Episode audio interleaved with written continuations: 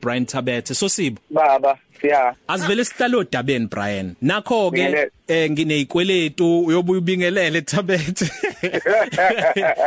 eh nginezinto nginezinto engikhokhelayo imoto njalo njalo. Nawo ama debit order sengenile awafici imali anginayo imali ngoba angiholile ngoba ngile emsebenzini noma umhleli womcimbi. Umcimbi usewuhlehlisile imali abethe uzonginikeza yona akasanginikezanga yona.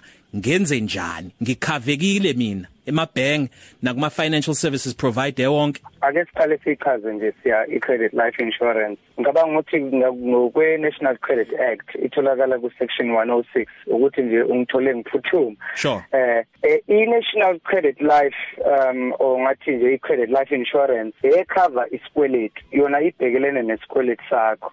Kahle kahle ngokugunyazwe iNational Credit Act icover ikweletu kusuka ku-intermediate debt kusho ukuthi ikweletu ezingaphezulu kwa 250000 kuya ngaphezulu. Oh. Isebenza kanjani na? Isebenza ukuthi uma ngabe unaleso sikweletu automatically mawukweleta any loan ngaba i-home loan ngaba i-car loan uma iyaba ngaphezulu kwa 250000 automatically umthetho uyaforce ukuthi the lender must provide that particular policy esuke iba yona iba specialized uhlobo oluthile olukhethekile le-insurance kusebenza kanjena ke siya nawe self. Uma ngabe wena kwenzeka uficwa izimo zokuthi udlule emhlabeni ingakapheli i-loan usayikhokhela leyo insurance leyo life cover iyakwazi ukuthi isikhokhe back isikweletu sonke njengoba sinjalo. Akuyona i-household insurance i-life insurance le.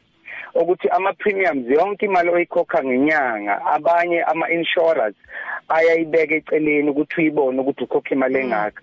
kodwa kuma home loans isikhathi esiningi ilender iyakwazi ukuthi ifake ibe yiphathi yama installments yakho kodwa ingakutsheli yona ibisi nominate yona njenge beneficiary njalo mawune credit agreement ithola i debt advisor ezokutshengisa ukuthi nayi i life insurance ikhona la imali engaka. So that uzokwazi ukuyibona ukuze makuba nezimo ezivelayo mhlambe ugula ungasakwazi njengoba kuyisikhathi esinje sonyaka uthola ukuthi uyagula usakwazi ukukhokhela isikweletu sakho i credit life insurance iyakwazi ukukhipha in ikhokhelele maybe for installments kusike kwinyanga yesithupha also 6 months So yeah.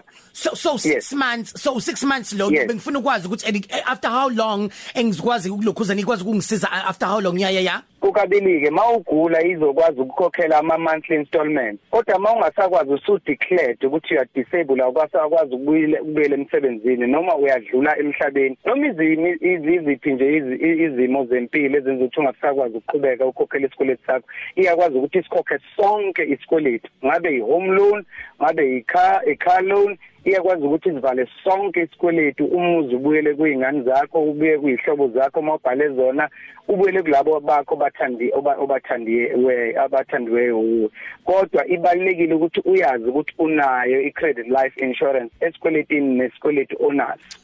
Ngoba igunyaziwe iNational Credit Act ukuthi umkweletisi ayifake khona uyikhokhele wena bese yena beyibeneficiary yayo buya Brian uyindlale kahle mfethu singasasheshi. Sibheke kumzono nomroza manje kwisisonke drive. Kodwa ke mfethu utholakalapi kulo ufuna usizo manje ungakabuyi? Inamba ya WhatsApp i 0836231391 so si Positive Cafe. Ilunch yakho ayifani neyizolo